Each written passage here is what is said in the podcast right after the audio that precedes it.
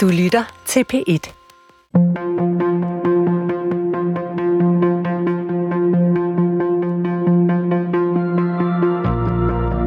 Hvad kan vi bruge en næsten 2.000 år gammel samling tekster til? Kan vi overhovedet forstå os selv, uden at læse Bibelen? Christian Let mener, at Bibelen er verdens vigtigste bog. Lauke Hendriksen læser den for første gang. Og sammen gennemgår de historierne, der stadig former vores bevidsthed og forsøger at finde ud af, hvad de betyder for os i dag. Velkommen til Bibelen Let Fortalt.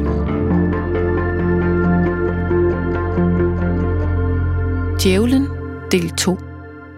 I dette program fortsætter Lauke og jeg vores samtale om djævlen, og hvordan han opstår og optræder i både det gamle og det nye testamente.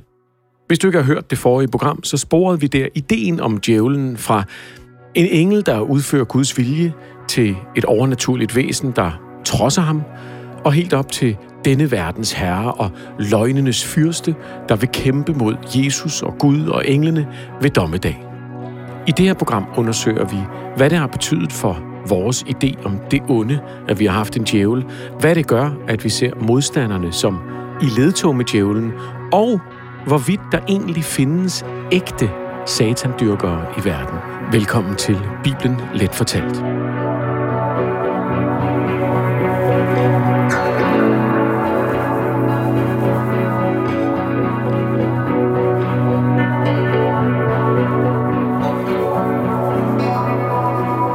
Johannes evangeliet, kapitel 12.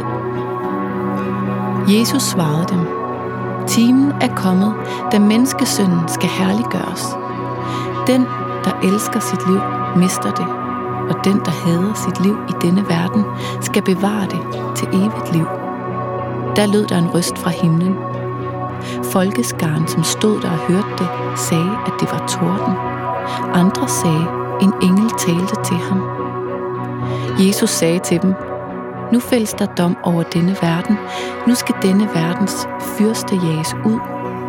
Og når jeg er blevet ophøjet fra jorden, vil jeg drage alle til mig. Det sagde han, og betegnede dermed, hvordan han skulle dø.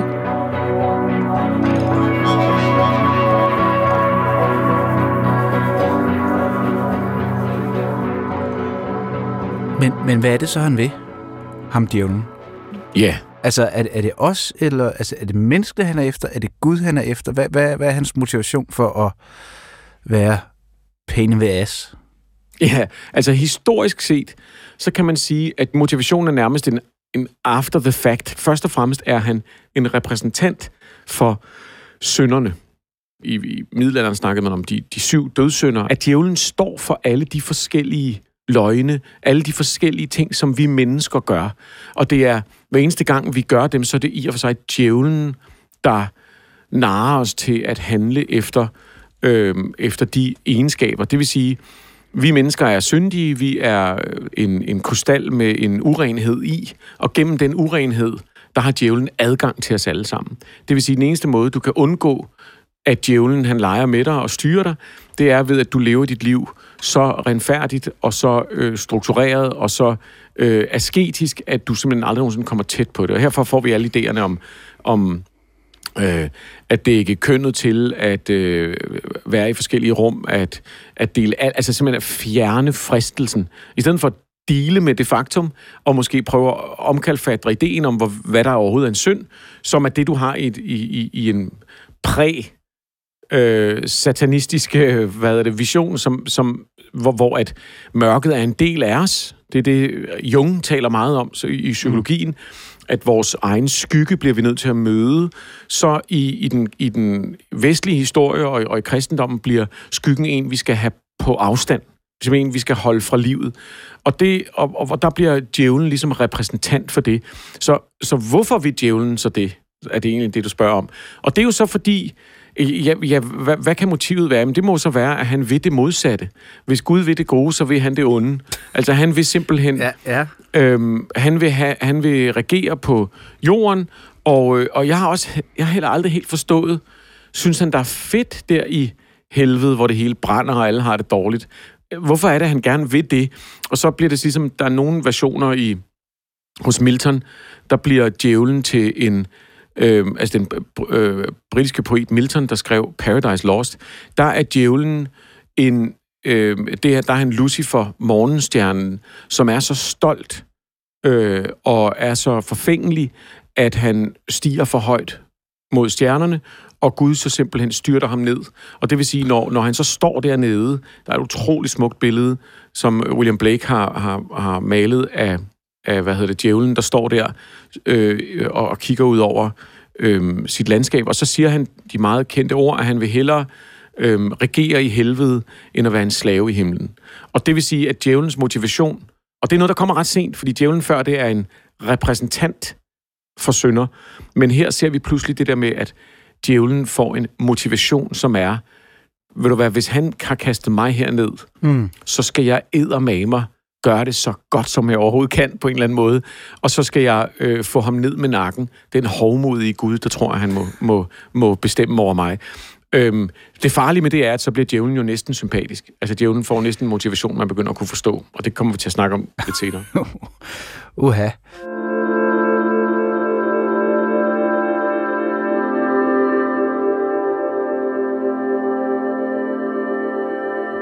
Om, om han har motivation eller ej, hvad betyder det så, at ondskaben bliver personificeret og deificeret? Det vil sige, guddommeligt gjort på den her måde. For det er jo egentlig det, der sker.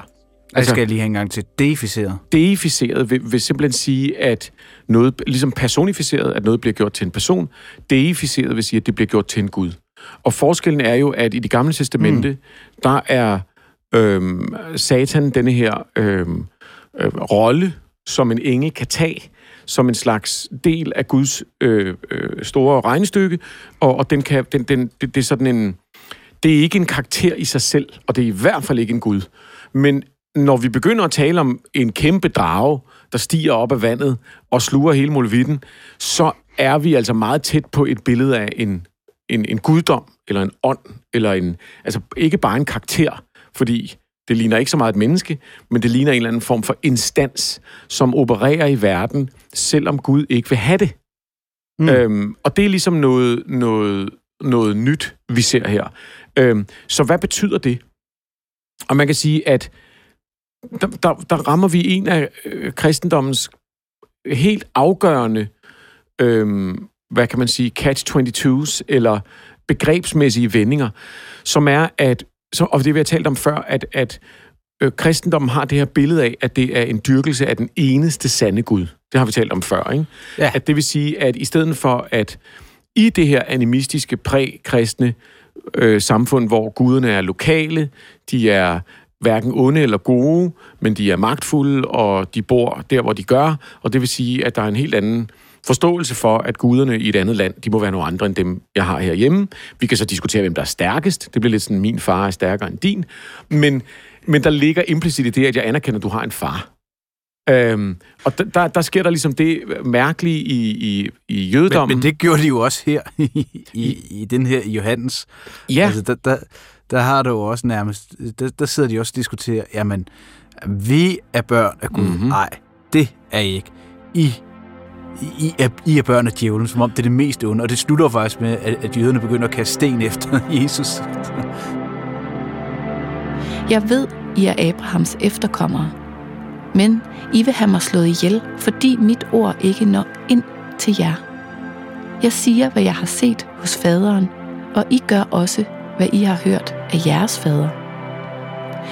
De svarede, vores fader er Abraham. Jesus sagde til dem, hvis I var Abrahams børn, ville I gøre Abrahams gerninger. Men nu vil I have mig slået ihjel. Et menneske, der har sagt jer sandheden, som jeg har hørt af Gud. Sådan gjorde Abraham ikke. I gør jeres faders gerninger.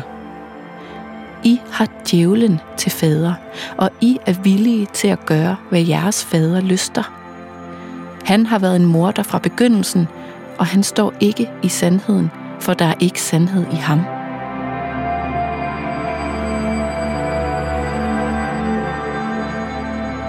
Og det, og det tænker du griner, du kommer i helvede, du sidder og griner over sådan noget. Men hvad hedder det? Øh, øh, det, men der rammer du det jo lige på hovedet, fordi forskellen er, om dine guder er lige så virkelige som mine, eller om dine guder er djævlen. Mm. Fordi hvis, vi, hvis jeg bliver enig med mig selv om, at faktisk findes kun min Gud, din Gud findes ikke, hvad er han så? Hvad, hvad er det så, der, der sker? Hvem er det så, du dyrker, når du dyrker nogen? Øhm, man skulle jo tro, og det vil være sådan en moderne, rationel, sekulær version af det, at hvis der kun er én Gud, så øh, findes de andre guder ikke. Det lyder logisk. Men allerede hos Paulus, altså den, den tidligste øh, skriver i, i, i, i det nye testamente, så ser vi en dobbelthed. Han beskriver i 1. Korinther, brev, øh, første brev til Korintherne, hvordan der jo ikke findes nogen andre guder, men at hvis du beder til dem, så beder du til dæmoner. Øh, og der kan du se, der har ordet ændret mening fra det her daimon-begreb, mm. som er en ånd, som både kan være god og ond. Fordi pludselig er den jo enten Gud, eller også er den ond. Det vil sige, at hvis du beder til de der andre guder, så for det første er de ikke guder, det kan jeg godt fortælle dig. Ja, ja, det er klart. Men de er dæmoner. Og dæmoner er der plads til i det her billede. Fordi dæmoner, de bliver pludselig alle sammen sammenfattet under det onde i denne her nye idé om det gode over for det onde. Og det er ligesom en idé, der sådan bliver udfoldet op igennem kristendommens ungdom, kan man sige. Så, så det vil sige, at de faktisk har gjort plads til øh, ikke guder, men, men andre øh, overnaturlige skabninger, trods alt. I høj grad. Og det, og det er jo, altså, jamen, har du læst Johannes åbenbaring? Mm. Altså, du ved, er der galt, der er plads til nogle modstandere, altså sataner, i, men, men de bliver bare større og større, fordi Gud bliver større og større, så må modstanden jo også være større og større. Hvis Gud er almægtig og over hele verden, hvem i alverden skulle så have nogen magt mod ham? Det må jo være altså, udtryk for noget meget, meget, meget farligt. Øh, og det er sådan så i, i kristendommens tidlige år, der, når folk konverterer til kristendommen, så kommer de jo fra den ene eller den anden øh, i dag vil man kalde det hedenske kult, altså en eller anden form, det er en mitrastyrkelse, eller en romersk kejserdyrkelse, eller en eller anden form for panteistisk, animistisk samfund, så skal de altså eksorceres, før de får lov til at blive kristne. Altså eksorceres, det vil sige, dæmonerne skal drives ud af dem. Ah, og det er de andre guder? Det er de andre guder, fordi pludselig er det sådan, at dem, der har andre guder, det er nogen, der dyrker dæmoner. Og det er simpelthen noget, man gør en dyd ud af. Det bliver en sport i af mange af de her kirkefædres breve. Ja, ja, det er jo klart. Det er jo at klart, identificere det det. guderne med specifikke dæmoner, og i sidste ende må det jo være en dyrkelse af Satan selv. En dyrkelse af det onde. Det bliver endda sådan så, at i alle de mange, mange diskussioner, som vi har været inde på før, om hvad der er den rigtige version af kristendommen, så bliver det til, at hvis du dyrker bare en anden version af kristendommen, end det vi er blevet enige om, jamen så er det ikke sådan, at du er lidt off og du burde lige læse din bog igen, så er du faktisk altså dæmondyrker. Og det, det er en helt ny, voldsom retorik. Fordi hvis nogen dyrker det onde, hvad synes du, man skulle gøre med dem? Hvis de dyrker den, som er ved at styre det hele verden sammen, og få os alle sammen ind i lidelse og undergang, så skal du vel dræbe dem? Ja, ja jo, det var voldsomt, men ja, jo, jo, jeg forstår godt pointen, trods alt. Men, men, men, men det vil sige, at, at, at det, jeg skal bare lige være helt med, fordi det vil sige, vi er enige om, det er den her Gud, vi har. Og så er der nogle andre, ja, vi, vi er enige om, det er den samme Gud, han er bare lidt anderledes. Og så siger de, i stedet for at sige, nej, vi skal lige diskutere det om, så siger de, nej, jeres Gud er falsk. Men så bliver det en anden Gud. Og så er, det, så er det ikke Gud, du dyrker. Nej. Så er du blevet narret. Og hvem er det, der narrer os? Aha, ja. Det er jo det, han gør. Ja, ja, ja. Hvad er det, den, hvad er det, den der gamle ordsprog siger? Den største bedrift, djævlen har udført, er at overbevise folk om, at han ikke findes. No. Det er fucking uhyggeligt. Det er et uhyggeligt billede. Da, da buddhismen begyndte at komme på mode i Vesten, der blev det set som en gateway til dæmondyrkelse. Da, altså det, er, det er simpelthen alle andre religioner er egentlig, de er ikke bare andre religioner, de er falske religioner. Og falskhed jamen det er jo djævelens værk. Altså det, der jo sker med kristendommen, det er, at øh, sådan øh, 300 år inden, der bliver kristendommen overtaget af det romerske imperie som den officielle statsreligion. Og det er grunden til, at vi sidder her i dag. Det er, at, at øh, pludselig bliver, går kristendommen fra at være en forfulgt minoritet, som alle synes er virkelig weird. Altså folk synes, at de kristne er virkelig nogle, nogle mærkelige, øh, skøre mennesker, der dyrker en, en død øh, fange, som, øh, så, og spiser hans kød og sådan noget. Og der er alle mulige beskyldelser af, at de, de spiser... Øh, de spiser menneskekød. Altså, man forstår dem ikke. Mm. Plus den anden mærkelige ting med de kristne er, de vil ikke acceptere de andres aldre. De vil ikke acceptere de andres guder, og det er ellers i et, i et romersk imperium, der er meget pluralistisk, hvor man netop mener, at hver især må have deres kult, så skal de bare altså anerkende den romerske kult, og det vil de kristne ikke. Så de bliver forfulgt, og de bliver dræbt, og de bliver tortureret, og, og så videre, og så videre. Øhm, men da, da det romerske imperium så bliver kristent, så bliver det pludselig, altså den her store øh, bulldozer, som det romerske imperium er, får pludselig kors over det hele. Altså det er pludselig en kristen bulldozer, ikke? Ja, og, og, og så kan man godt se billederne helt op til i dag. Altså, man kan nærmest tegne korsene rundt om på Lige verdenskortet. Præcis. Det, der pludselig sker... Altså, for det første skal man konvertere alle nu. Nu, nu ja. Hvis du indtager et nyt stykke land, så er det... Fordi Gud... Du har en ny idé, at den, alle de andre guder er falske. Så, så de skal konvertere, men det er ikke nok, at barbarerne altså konverterer.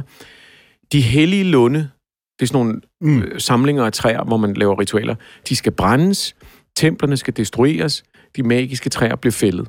Og det er overskriften i de næste mange hundrede år. Op igennem hele Europa, i hele Mellemøsten, øhm, så bliver det til, at man skal udslette de her afgudsdyrkelser. Afguder, hvad er det også for et ord? Altså, det, det, er sådan et, det, det er et ret voldsomt ord. Det er et afgud. Det er en, en, det er en falsk gud. Det er en gud, der ikke er en gud. Øhm, og hvis det ikke er en gud, jamen, så ved vi, at der er en modstander. Det er djævlen, ikke? Så, så når, når folk i, i naturreligioner op igennem, også op her også i, i Norden, går ud i skoven og dyrker naturens ånder, så er det faktisk djævlen, de dyrker. Øh, og der kommer vi til en anden meget vigtig del, som vi ikke har talt om endnu. Hvordan ser den i den romersk-græske verden mest populære naturgud ud? Han hedder Pan. Hmm. Han har bukkeben. Han har horn. Gud, ja, ja, ja. Og, og, og, og det, der simpelthen sker, det er, at man identificerer Pan med djævlen. Og pludselig bliver det sådan, så når vi skal tegne et billede af djævlen, så er det Pan øh, på en dårlig dag. Det er en meget, meget ondsindet, uhyggelig version af Pan med bukkeben, ja. horn, og det han i og for sig repræsenterer er naturen. Fordi naturen er central i barbarernes tro i de her animistiske kulte. Som sagt, som vi har talt om før, guderne bor i naturen, de bor i træerne, de bor i stenene. Altså man, man, man dyrker naturen, går ud og spørger ånderne om råd, og så får man det ved enten ceremoni eller ritualer eller udsidninger. Så skal man jo pludselig nu overbevise folk om, at de skal ind i kirken for at forsvare. Hvis du går ud i skoven og spørger ånderne derude, så er det altså øh, djævle, det er trolde. Og ved du, hvad der er med trolde, som er ret sjovt? Nej. Hvis de hører kirkeklokker, så bliver de til sten. Okay. Og de, er, de repræsenterer mørket. Pludselig bliver jætterne til mørkets guder. Og det er sådan så Augustinus, jeg før har talt meget om, han slår fast, at det at dyrke naturen, det er som at gå til prostitueret. Naturen bliver simpelthen tryllet om fra at være der, man søger svar, der hvor ånderne bor, til at være et mørkt og farligt og syndigt sted, som er historien om den mørke skov. Historien om, om, om naturen som noget, der forfører os, øh, og pludselig bliver naturen et sted, der skal domineres og omformes.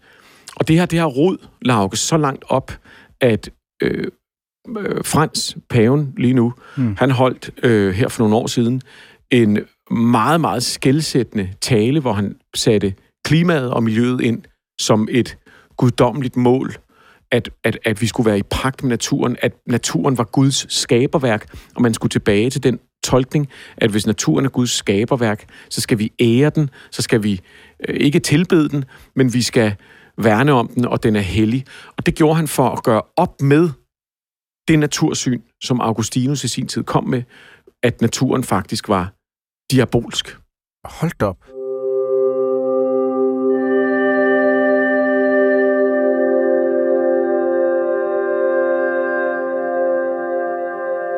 Er det fordi, vi har behov for, eller de kristne har haft behov for at sige, at vi er nødt til at samles omkring det her, og det vil sige, at alt andet er faktisk varsinificeringer af djævlen. For ellers så går det ikke op i deres hoved. Ja, det, det simpelthen. Ellers går det ikke op. Det, det går ikke op at have en fortælling om én Gud, der er alles Gud, der er en universel Gud, hvis du har en anden Gud. Det giver simpelthen ikke mening. Og derfor er der kun ét svar, og det må være, at du dyrker en afgud, en falsk Gud, og en falsk Gud er en, en, et, et aftryk af det djævelske, og det er det, djævlen vil. Det er en af de måder, djævlen han vil modarbejde målet, og hvad er målet? Det er jo, at hele verden er kristent. Ja, ja, det er klart, det er klart. Korstogene, det er det, de tager deres råd i. Ja. Det er derfor, at, at, at, at det vi ser, det er, at man begynder, og det er den næste del af et meget, meget vigtig historie om, om, om djævlen i vores kultur. Det er det ord, som vi stadig bruger, der hedder demonisering.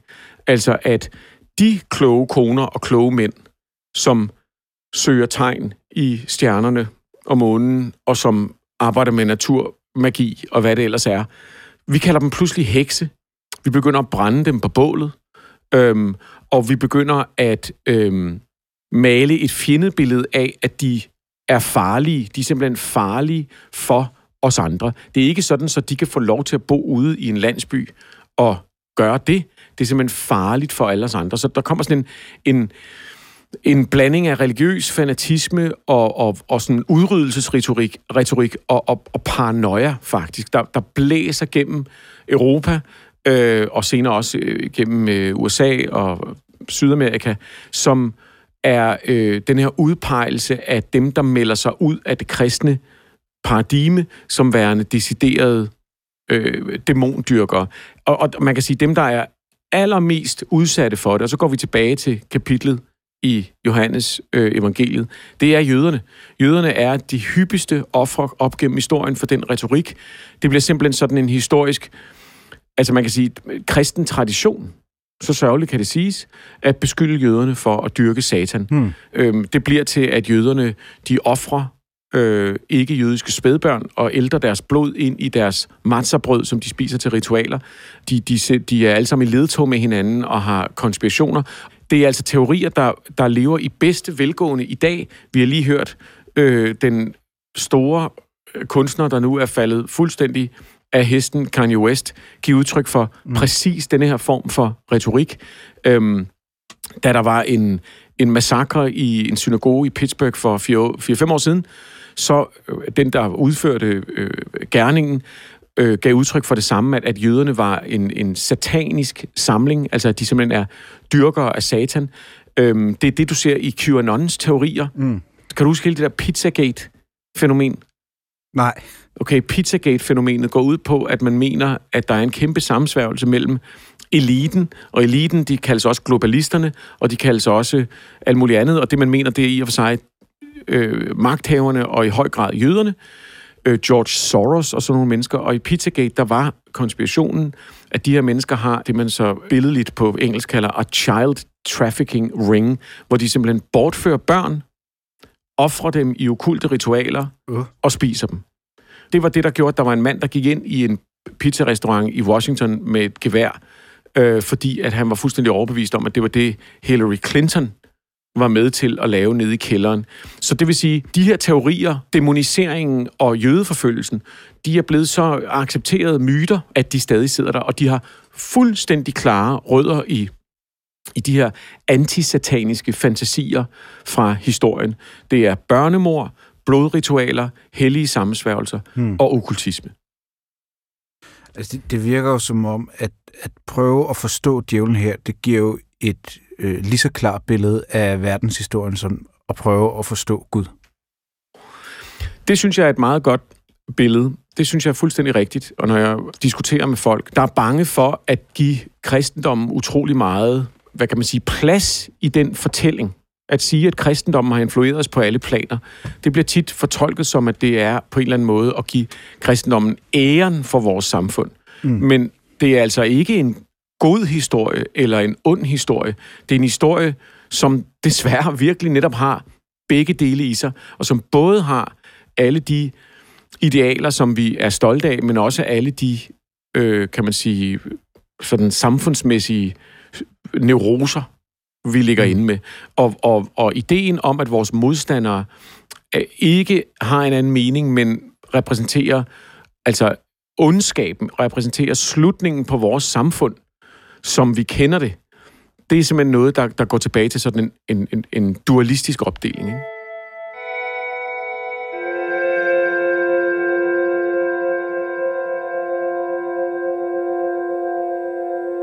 Når, når vi nu er ved det her okultisme, så er noget, vi bliver nødt til at komme ind på, og det var i, i slutningen af kapitel 13 af Johannes åbenbaring, som no, no pun intended, men har faktisk næsten været en åbenbaring for mig. Jeg synes virkelig, den var fascinerende at læse. Ikke?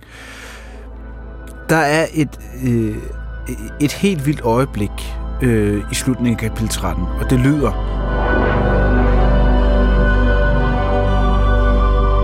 Jeg så et andet dyr komme op af jorden. Det havde to horn som et lam, men talte som en drage. Det gør store tegn, så det er en dog for ild til at falde fra himlen ned på jorden for øjnene af menneskene. Det forfører dem, der bor på jorden. Det får alle, store og små, rige og fattige, frie og tralle, til at sætte et mærke på deres højre hånd eller deres pande, så ingen kan købe eller sælge, undtagen den, der bærer dette mærke, dyrets navn eller dets navns tal. Her kræves der visdom. Den, der har forstand, må regne på dyrets tal, for det er et mennesketal. Dets tal er 666.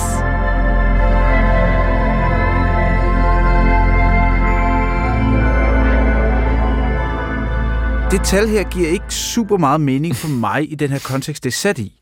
Øh, og det kan godt være, at, øh, at Johannes rammer øh, et blødt punkt hos mig, for der kræves åbenbart visdom, og den har jeg ikke til at regne det her ud.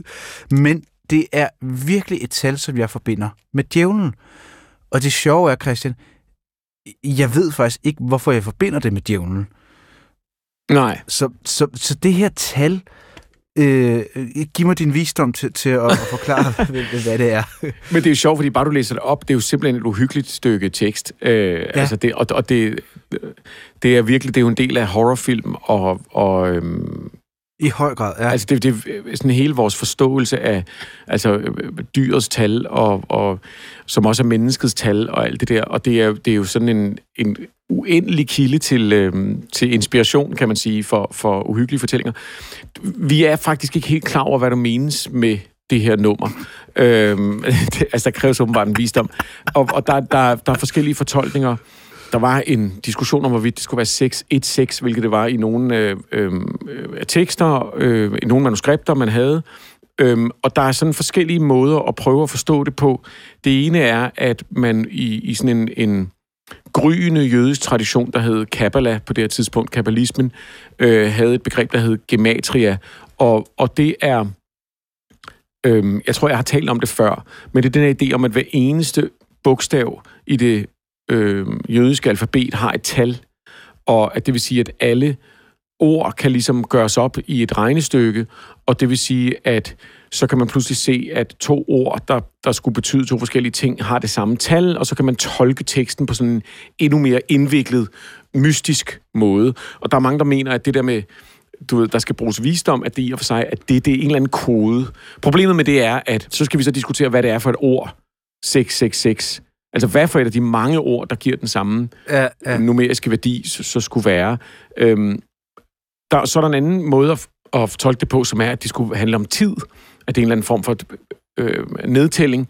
Det fører heller ikke til så meget. Og så er der øh, alle mulige vilde sådan fremtids- og meget kristne tolkninger, om at det handler om, at det er et billede på, at vi øh, får et, et tegn, og at vi skal have en chip indopereret i fremtiden.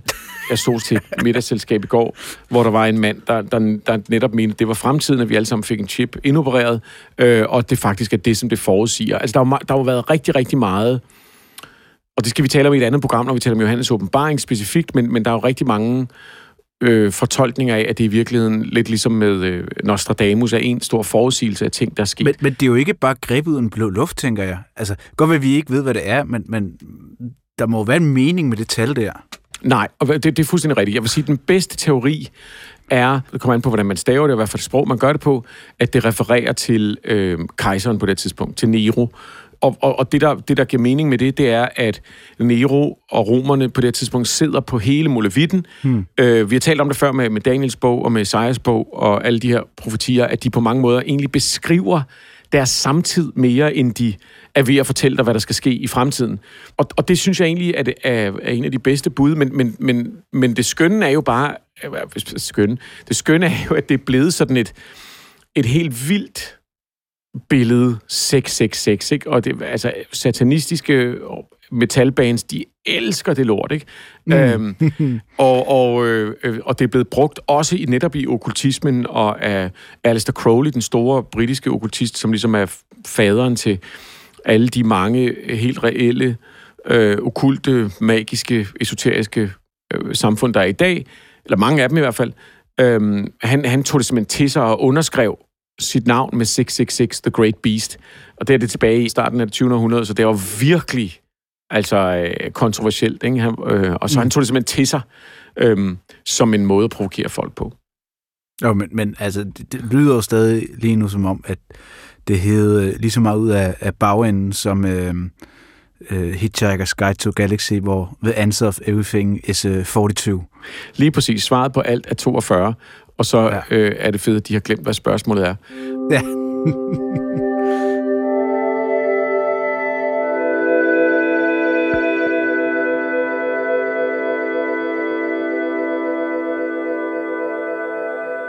Eksemplet med, med øhm, Alistair Crowley er sjovt, fordi igennem den kristne historie har vi været bange for dem, der dyrker satan hele vejen. Ja. Vi talte om det her med, at de kloge mænd og kloge kvinder, som dyrkede naturguden, de bliver kaldt hekse. Det er ret klart at se, at selvom vi ligesom har rigtig mange vidneudsagn fra hekseretssagerne, hvor at vidneudsagnene de for det meste mm. frembragt under tortur, og det vil sige, at der er en masse af det, vi overhovedet ikke kan stole på, men selv hvis vi regner dem væk, så er det ret klart, at der er ret mange stemmer i middelalderen, der selv taler om at danse med djævlen. De taler selv om at møde djævlen om natten. De taler selv om, at de spørger ham til råds, at han hjælper dem, og så videre, og så videre. Og det, der er ret interessant ved det, det er, at det her det er ikke en satanisme på nogen som helst måde. Det kan man ikke kalde dem. Det er ikke en organiseret tro på djævlen. Men det, det giver os et hint om, er, at øh, igen, vi skal forestille os de, de arbejder stadig med en levende natur. Nisserne findes, de underjordiske findes. Mm. Man skal vare sig, når det er tusmørke, og, og man har en hestesko hængende over døren, og så videre, så videre, så videre. Dem, der dyrker naturånderne her, det, der sker, som er ret interessant, det er, at øh, for at skære det lidt sådan hårdt op, så kan du sige, at de er gået hen i kirken og har fået at vide, at ham, de møder om natten, det er djævlen. Mm. Og uden at have den kristne fortælling om at det så må være verdens ondeste gespenst, går tilbage og møder ah. ham igen. Ah. Ja, ja, ja. Vi, vi har sådan en, øh, øh, det man kalder grimoires, som er sådan nogle øh, optegnelser af bønder og ritualer og alt sådan noget der. Og, og, og, og jo mere folkelige de er, jo mere ser vi en mangel på kristen ladning af de her billeder. Vi ser faktisk, at de, de føler, at de møder, de tager ordet dæmoner til sig. De tager ordet djævlen til sig. Men det er ikke nødvendigvis negativt. Det er nemlig ikke nødvendigvis negativt. Det er bare, det er mørkets ånder, det er naturens ånder, det er, det er ånder, som de ved, at kristendommen er imod, så de ved det højst synligt også, at det er ulovligt. Øhm, men det tager man til sig, fordi det er jo, den, det, er jo den, det er jo det paradigme, der ender med at vinde. Så det vil sige, at alt bliver lavet, alt bliver navngivet på en ny måde. Jeg, jeg øh, har en ret stor samling af de her gamle bøger, og det er ret skægt at se, hvordan at, at man simpelthen har taget retorikken til sig. Altså det er lidt ligesom øh, sort hiphop-kulturs appropriation af, af N-ordet, ikke? hvor man simpelthen mm. siger, okay, er det det, vi kalder det? Jamen, så, øh, så kalder vi det det. Men lad mig give det en ny betydning. Lad mig give det en ny tone, ikke? Ja, og så, så er vi tilbage igen til det der med måden at snakke om djævlen på. Altså, at det er et ord eller et begreb lige pludselig også, ikke? Jo, i høj grad. Det vi ligesom ser som, som en interessant bevægelse, det er, at kristendommen har sejret så totalt, ja. at selv dem, der ikke vedkender sig til dem, begynder at bruge dens ord. Det vi så ser senere, og det, nu var vi inde på det her før med Milton, og ideen om, at djævlen er den nedstyrtede engel, Lucifer, morgenstjerne, der er, der er så vred over, at han er blevet sat uden for skaberværket, bare fordi han stræbede mod himlen. Med den franske revolution, øh, med den sene renaissance og oplysningen og i romantikken, der begynder der at bulre en ild imod kirken. Altså, vi begynder simpelthen at se øh, gryningen af, af det, vi vil kalde det sekulære, eller det moderne verdenssyn, men også hvor en, hvad kan man sige, glorificering af fortidens folkeslag og tro og sådan noget der begynder at komme frem, fordi man begynder at kigge rundt og sige, kirken bestemmer sgu da alt. Mm. Hvad er det for noget? De styrer vores moral. Hvorfor skulle det være dårligt, hvis jeg har lyst til at gå i seng med flere forskellige mennesker? Hvorfor skal jeg øh, holde mig øh, på, på modden? Hvad er det egentlig for nogle sønder? Er de her sønder egentlig ikke også gode? I romantikken begynder man at tale om den menneskelige drift som noget smukt, som instinkt. Man begynder nærmest at komme tilbage til den her diamond-forståelse. Og, ja, ja, ja. Og, og, og, og i den fortælling bliver denne her Lucifer, som jo egentlig var ham, der gjorde oprør, begynder pludselig at blive til noget ret interessant. Han begynder at blive til en modhelt. Og begynder at blive billedet på, at man faktisk gerne vil komme ud af kirkens å, kan man sige. Men, men har det så gjort det legitimt at, at, at, at dyrke okkultismen? Overhovedet ikke. Det har været noget, som man, man gjorde på i de bonede gulve øh, under lås og slå i sådan nogle gentlemen's clubs, ja. hvor man mødtes og, og har lavet hemmelige ritualer. Vi ser det i hos frimurerne, vi ser det hos øh, det, man kalder Golden Dawn, der var i England i det øh, 1900, øh, som stadig findes i dag. Man genfortolkede det, der hed øh, Rosenkorsordenen, som var en mystisk, måske fiktiv orden i det 16, tidlige 16. århundrede. Og så begynder man lige pludselig at, at, at, at sige, at der er en visdom, der kom før Bibelen. Men man begynder at, at sådan fetichere egyptisk visdom og magi. Og man begynder at gå tilbage til nogle tekster, som er hermetiske tekster, gnostiske tekster. Altså alle. Man begynder at prøve at finde modfortællinger mm. til det, man føler er et undertrykkende å af moralisme og, og, og, og dydighed og poetanisme. Og i den fortælling sker der, det er sjovt nok hos digterne først, hos Milton, men senere hos Byron, der skriver et teaterstykke, der hedder Kain, altså om Kain og Abel, ja, ja. hvor Kain bliver set som ham, der ikke bare accepterer, at han skal stå der med sit offer, og Gud gider ikke at tage det, og du ved, som faktisk reagerer mod Guds øh, undertrykkelse. Men det sjove er, at den, der rådgiver Kain, det er Lucifer. Det er simpelthen djævlen, der kommer og siger, lidt ligesom han gjorde i slangen, i den nye version af, hvordan vi forstår det med slangen, siger, hmm, mm. hvorfor skal du bare tage det for givet? Hvorfor skal du acceptere hierarkierne, sådan som de er blevet nedleveret øh, til dig? Og det er jo pludselig en frihedens stemme. Så Lucifer bliver pludselig et symbol på friheden, og, og, og man stiller det utrolig gode spørgsmål. Lucifer, hvis, det, hvis han er slangen, var ham, der gav os indsigt. Ja, ja, ja, ja, ja. Skulle det gøre ham dårlig? Nej, ja. Og så begynder man at læse det op imod sådan en Prometheus-legende, som er ham, der giver mennesket ilden. Øh, det passer godt med morgenstjernen, det passer godt med, med det her billede. Ja, det er jo, øh, altså, så, så begynder kristendommen jo at, at bide sig selv i halen. Det er jo det. I, i de billeder. Ja. Det, begynder, det er nemlig rigtig godt som en slange, bider den sig selv i halen. Ja. Hos William Blake, øh, min store held, som jeg har opkaldt det helt bane efter, øh, der, der, der ser du en fantastisk dyrkelse af det. Han, han, han skriver en utrolig tekst, som jeg læste som teenager, og som altså, du ved, toppen af mit hoved eksploderede af. Den hedder Marriage Between Heaven and Hell, og den er nem at læse, jeg kan anbefale alle at gøre det, og de kan finde på nettet, hvis det er, den er ikke så lang. Hvor han fuldstændig genfortæller himmel og helvede som himlen der, hvor englene er dydige, men står stille og ikke kan tænke for sig selv, og alt er pænt, og djævlen som dem, der står for drift og snarådighed og inspiration og kropslighed, og hvordan at man bliver nødt til at have begge dele. Det er the marriage between heaven and hell, hvilket jo altså er en vild idé, ud fra alt det, vi har talt om, i forhold til, hvordan man skal se Lucifer. Så der begynder at vokse ud af det en slags luciferianisme, Mm. Og det er ikke det samme som satanisme, fordi det, der, det kalder de det ikke. De går ikke hen i en kirke, de offrer ikke noget som helst. Det er satan som et modbillede på den Gud, man mere og mere ser som undertrykkende, og som en slags modstander af den frie tanke. Så sker der noget ret interessant, faktisk i Danmark. Ja. Øhm, der er en fyr, der hedder Ben Kadosh. Det er så et uh, alter ego, Ben Kadosh, øh, som er en dansk mejerist, som øh, i virkeligheden hedder Karl Hansen. Og han er frimurer. Han er med i alle de her hmm. forskellige øh, øh, samfund, og han skriver en bog, der hedder Den nye morgens gry, og prøver at grundlægge en decideret luciferiansk kult, hvor man dyrker Satan, skråstreg Lucifer, som herren. Undertitlen er Verdensbygmesterens genkomst. Og det er ligesom faktisk den første reelle sådan ambition om at lave det, man vil kunne kalde reel kultisk, esoterisk satanisme. Det er fra øh, 1906. Så det vil sige, at ideen om satanisme som sådan en eller anden kult, hvor folk går rundt og, og, og, og, og tilbeder Lucifer, er noget ret nyt. Altså, der er en fantastisk passage i den her bog, som jeg sidder med her, som er en, en pamflet, den er ikke rigtig blevet udgivet som en rigtig bog. Og, og hvornår var det fra? Den er fra 1906, ja. men den er blevet trygt af, af nogle øh, meget, meget øh, fine, dygtige mennesker, som jeg er i, i kontakt med, som, som har taget sig det her arbejde for.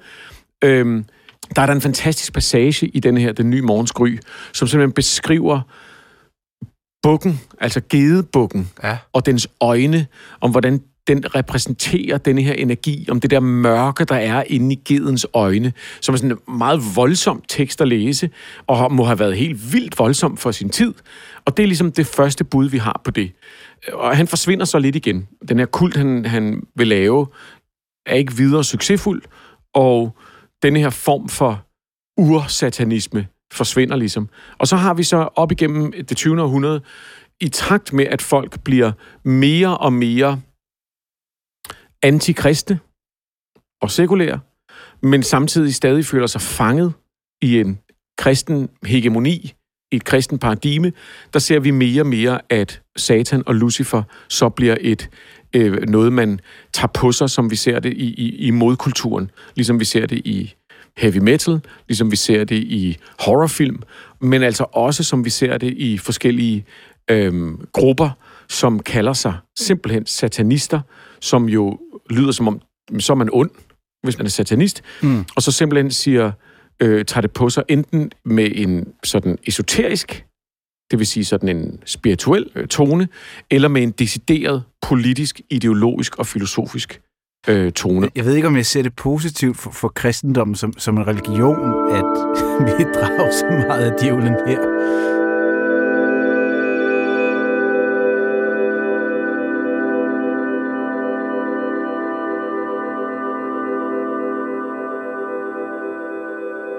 Satanister er jo altså synonymt med nogen, der dyrker det onde. Det er sådan, man må forstå det.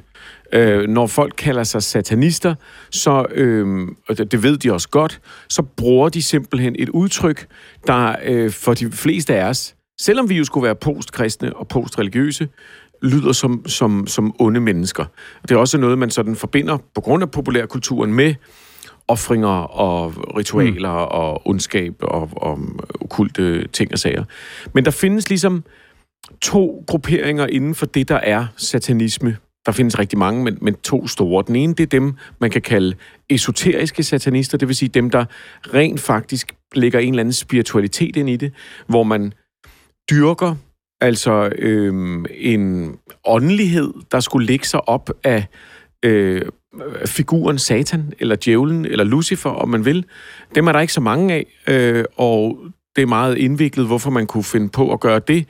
Øh, hele pointen er lidt, at hvis Satan er et modbillede til kristendommen, og man i de her sådan okulte selskaber netop ser kristendommen som noget undertrykkende, som faktisk det onde, så bliver modbilledet Satan faktisk øh, øh, også ånden for de udstøtte, ånden for dem, der er blevet demoniseret, ånden for dem, der ikke er en del af magteliten osv. osv. Så, så vil det sige, at det også er, for, er det også, hvad der er forkert? Er det onde også lige med, hvad der er forkert i den kristne optik? Ja, altså man kalder det simpelthen den, den øh, venstre hånds sti, øh, kalder man det inden for okkultismen. Okay. Øh, altså det vil sige, øh, hvor man, hvor man, øh, hvor man dyrker det, man, man, man, man kan man sige, man undergraver og omvender øh, de negative symboler til noget andet, og, og i, en, i en kultur som vores, som jo vidderligt, øh, kan man sige, prioriterer lys over alt, oplysning, mm. øh, gennemlysning, gennemsigtighed, øh, du ved, øh, hele den, al vores retorik om lys handler om det som noget godt, mens okult og mørke og dunkelt og, og, og, og gemt lyd. Det er sådan noget, hvis du læser det i avisen, så betyder det, at folk gør noget forkert.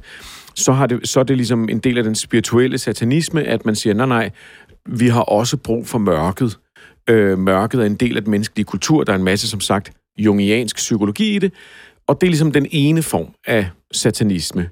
Den anden form af satanisme, som er meget mere populær og meget mere etableret, er det, man kunne kalde en sekulær, hardcore ateistisk satanisme. Det vil sige mennesker, der simpelthen ikke er religiøse overhovedet, men som vedkender sig, at de er satanister, øh, organiserer sig som sådan, øh, kæmper for religionsfrihed for satanister. I USA øh, prøver de at få bygget statuer af øh, forskellige afbildninger af Satan med gedehoved midt på, øh, på markedspladsen. Der er sådan en fantastisk statue, de prøver at rejse det, og de amerikanske satanister er en er sådan et okult symbol, øh, med sådan en, altså en figur med et gedehoved og, og, og, og pentagram over det hele, og så to børn, som den står og ligesom passer på. Og det er en, selvfølgelig en, en provokation, fordi pointen for de her satanister er ikke en eller anden form for spirituel, religiøs øh, dyrkelse, de er faktisk modstandere af det. Det er specifikt at være i opposition til det, de ser som kristen øh, dominans, som kristen indflydelse i amerikansk politik, som øh, religiøse hvad hedder det, tanker bag alle mulige, øh, altså sådan noget som abortlovgivning i USA, sådan noget som våbenlovgivning, sådan noget som, øh, altså de, så, så satanismen bliver sådan en, en øh, weaponized, som de siger i, i, i, i, øh, i USA, en, en armeret version af antikristendom. Men, men det kan jeg faktisk godt se en bizarre logik i. Jeg ved, jeg ved mm. ikke, om mm. jeg er rigtig enig med den, men, men jeg kan godt se en logik i, at hvis kristendommen forkaster alt, som, øh, som ikke passer ind i deres doktrin, og kalder det djævelens værk, at, at det gør også bare plads til, at der netop opstår stået her, som vil lave et oprør, og hvad kalder man det så? Jamen, så kalder man det selv også lige pludselig djævelting, fordi man vil være i opposition til nogen, der hele tiden siger, vi gør det kun på den her måde. Ja, så, så vi er kommet hen et interessant sted, hvor at vi har frygtet i den kristne kultur dem, der dyrker satan mm. i 2000 år, og de har aldrig eksisteret. Mm. Nu eksisterer de. Ja. Nu hvor, nu hvor øh, kirken faktisk har mistet meget af sit tag, og hvor at mange af de her ord bliver relativeret, og hvor at vi har fået de fleste af os indblik i, at vores modstandere i hvert fald ikke offrer baby om natten. De, de kommer bare fra en anden kultur. Øhm, så er der faktisk for første gang i løbet af de sidste 150, hvis man er rigtig generøs, men specielt de sidste 70 år, opstået nogen, der rent faktisk har sagt, ja, det er os, det er os, vi er lige herover. Det er os, der er satanisterne. Og det sjove er, at den, hvis man begynder at undersøge det miljø, så er det en vidderligt øh, en, en ret sjov blanding af fritænkere, øh, øh, countercultural, altså modkulturs øh, ikoner, øh, øh, og så er der selvfølgelig en masse, der gerne vil provokere, og der er en masse, der du ved, synes, det er sejt med nogle dødningehoveder på deres trøjer og sådan noget. De findes også nogle goth-mennesker. Men for det meste er satanismen lige nu faktisk et sted, hvor man Altså, hvor man, hvor, hvor man finder nogle meget, meget øh, religiøse, liberale, progressive mennesker. Øhm, så, så, det er sådan, så satanismen har ligesom gået fra at være en fantasi, en feberfantasi inde i hovedet på øh, kristne prædikanter og korsfarer og jeg ved ikke hvad, til at blive en reel spiller. Og, og på en måde kan man sige, det eneste sted, satanismen findes, er jo selvfølgelig i kristnes, øh, i kristne samfund. Der findes jo selvfølgelig mm. ikke en satanisme i ikke-kristne samfund, for der har satan ikke nogen rolle, og han findes ikke som karakter. Så der er det der paradoxale, at øhm, uden kristendommen vil de ikke findes, de her satanister. Altså, der, der, det er simpelthen på en eller anden måde den, den, det kristne, den kristne organisme, der har brugt 2.000 år på at frembringe sin egen antitese på den her måde. Ikke? Ja, det synes jeg er ret fedt på den måde. Det er virkelig en fed måde at, at, at skabe en øh, at, at skabe den, den onde på. Ikke? Og, og jeg, vil, jeg vil sige, at det er et godt eksempel på, at demonisering, altså som jo er det, så ordet kommer af dæmon, demonisering, øhm, på en måde til sidst kan bide sig selv i halen, når dem, der bliver demoniseret, øhm, får magt nok. Øhm, og, og, så, så det er sådan en, igen med, med Satan eller djævlen eller Lucifer som billede, så ender det med at handle om, om øh, magtstrukturer og en meget, meget voldsom opblanding af verden i sort og hvid. Og det er måske også efter min mening satanismens bagside, det er, at den jo ender med selv at abonnere på samme sort-hvid opdeling. Altså, den ender med at mene, at kristendommen er roden til alt ondt, ligesom at kristendommen mente, at satan var roden til alt ondt. Og det er måske der, hvor det, det, man ender i et, et dobbeltsyn, eller en, en, en, en dobbelthed, en dualisme, øh, selvom at det måske er egentlig er det, man skulle gøre op med.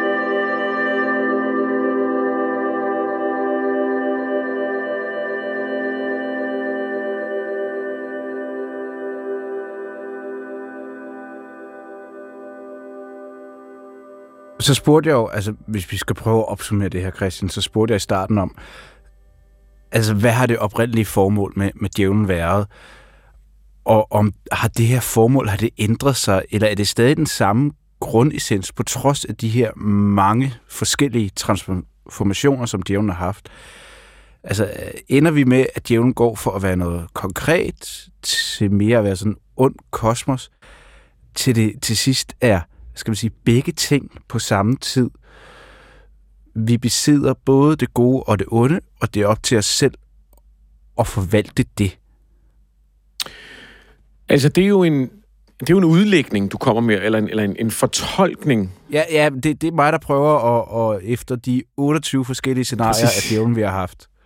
Altså, og, og, og jeg vil sige, det er en blandt mange, og jeg tror i og for sig, det er en meget brugbar en, for så vidt, at det er en af, at djævlen er et af de værktøjer, vi har i den kasse, vi bruger til at forstå verden med. Og, og, og det lyder som om, man bare kunne skifte værktøjerne ud, men jeg mener egentlig, at det er jo en af hovedpointerne med de her programmer, det er, at den måde, vi konceptualiserer verden på, den måde, vi forstår verden på, er os givet. Mm. Og ligegyldigt hvor rationelle vi er, så er det utrolig svært at skifte det, den værktøjskasse ud. Det kan man gøre øh, ved øh, kæmpestort arbejde og fordybelse, men det er som om den måde, kulturen former vores opfattelse af verden som, som, som børn og som unge, den ender med at sidde som det bliver til den linse, vi ser verden igennem. Så selv vores oprør mod den bliver formet af det.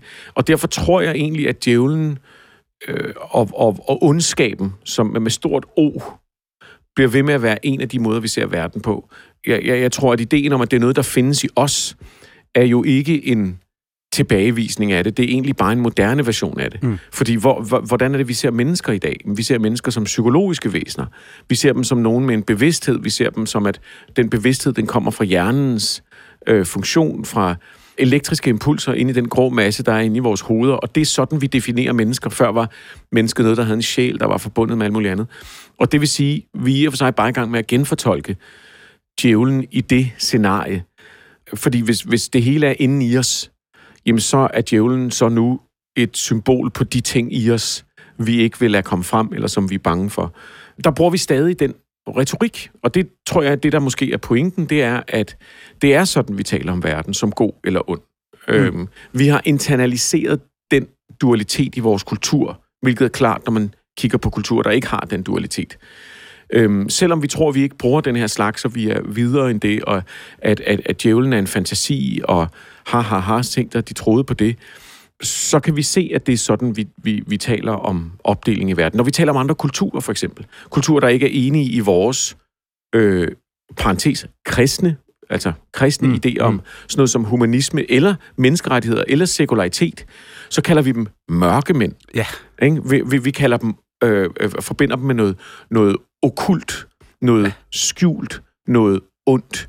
Øh, jeg er ikke et fortæller for relativisme, så jeg mener sagtens, man kan stå på mål over for det, man selv tror på, for ens egen kultur, stå ved det. Man må gerne mene, at den vestlige kultur er den bedste. Man må også mene noget modsat, men der, hvor det bliver farligt, det er, når vi begynder ikke at tillægge vores modstandere synspunkter, vi er uenige i, men når vi begynder at tillægge dem noget, der er farligt for det gode projekt. Mm i diskussionen om humanisme, der har du virkelig denne her dobbelthed, hvor at man er kommet frem til, at det må være entydigt logisk, at alle mennesker er skabt lige, for eksempel. Ja. Selvom det ikke er noget, der står øh, i, i naturlovene. Det er en, en, en, en tro, for mangler bedre ord. En værdiladning. Det er, det, er en, det er noget, vi bekender os til.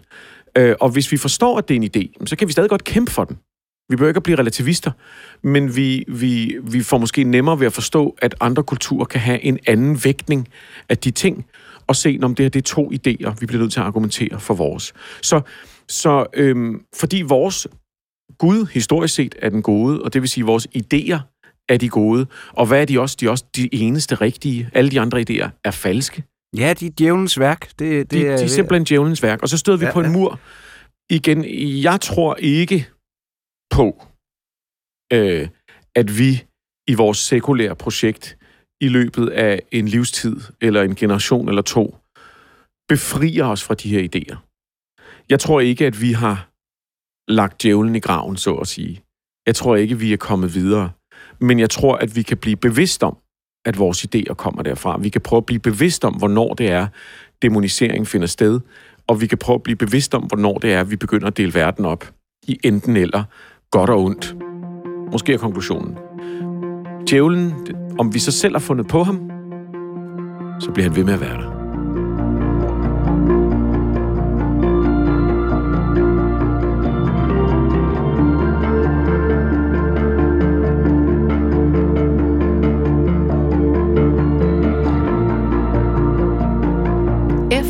Jesus, Jomfru Maria og Johannes Døberen er den mest beskrevne og afbildede karakter fra det nye testamente nok Maria Magdalena.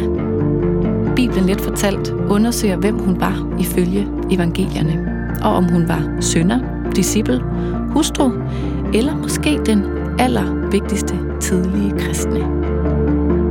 Du kan altid finde eller genhøre tidligere episoder af den her serie i DR's radio-app DR Lyd. Bibelen Let Fortalt er klippet og tilrettelagt af Lauke Hendriksen og Christian Let fra Munk Studios. Redaktør er Hanne Butz Jørgensen, og jeg hedder Karen Stroop.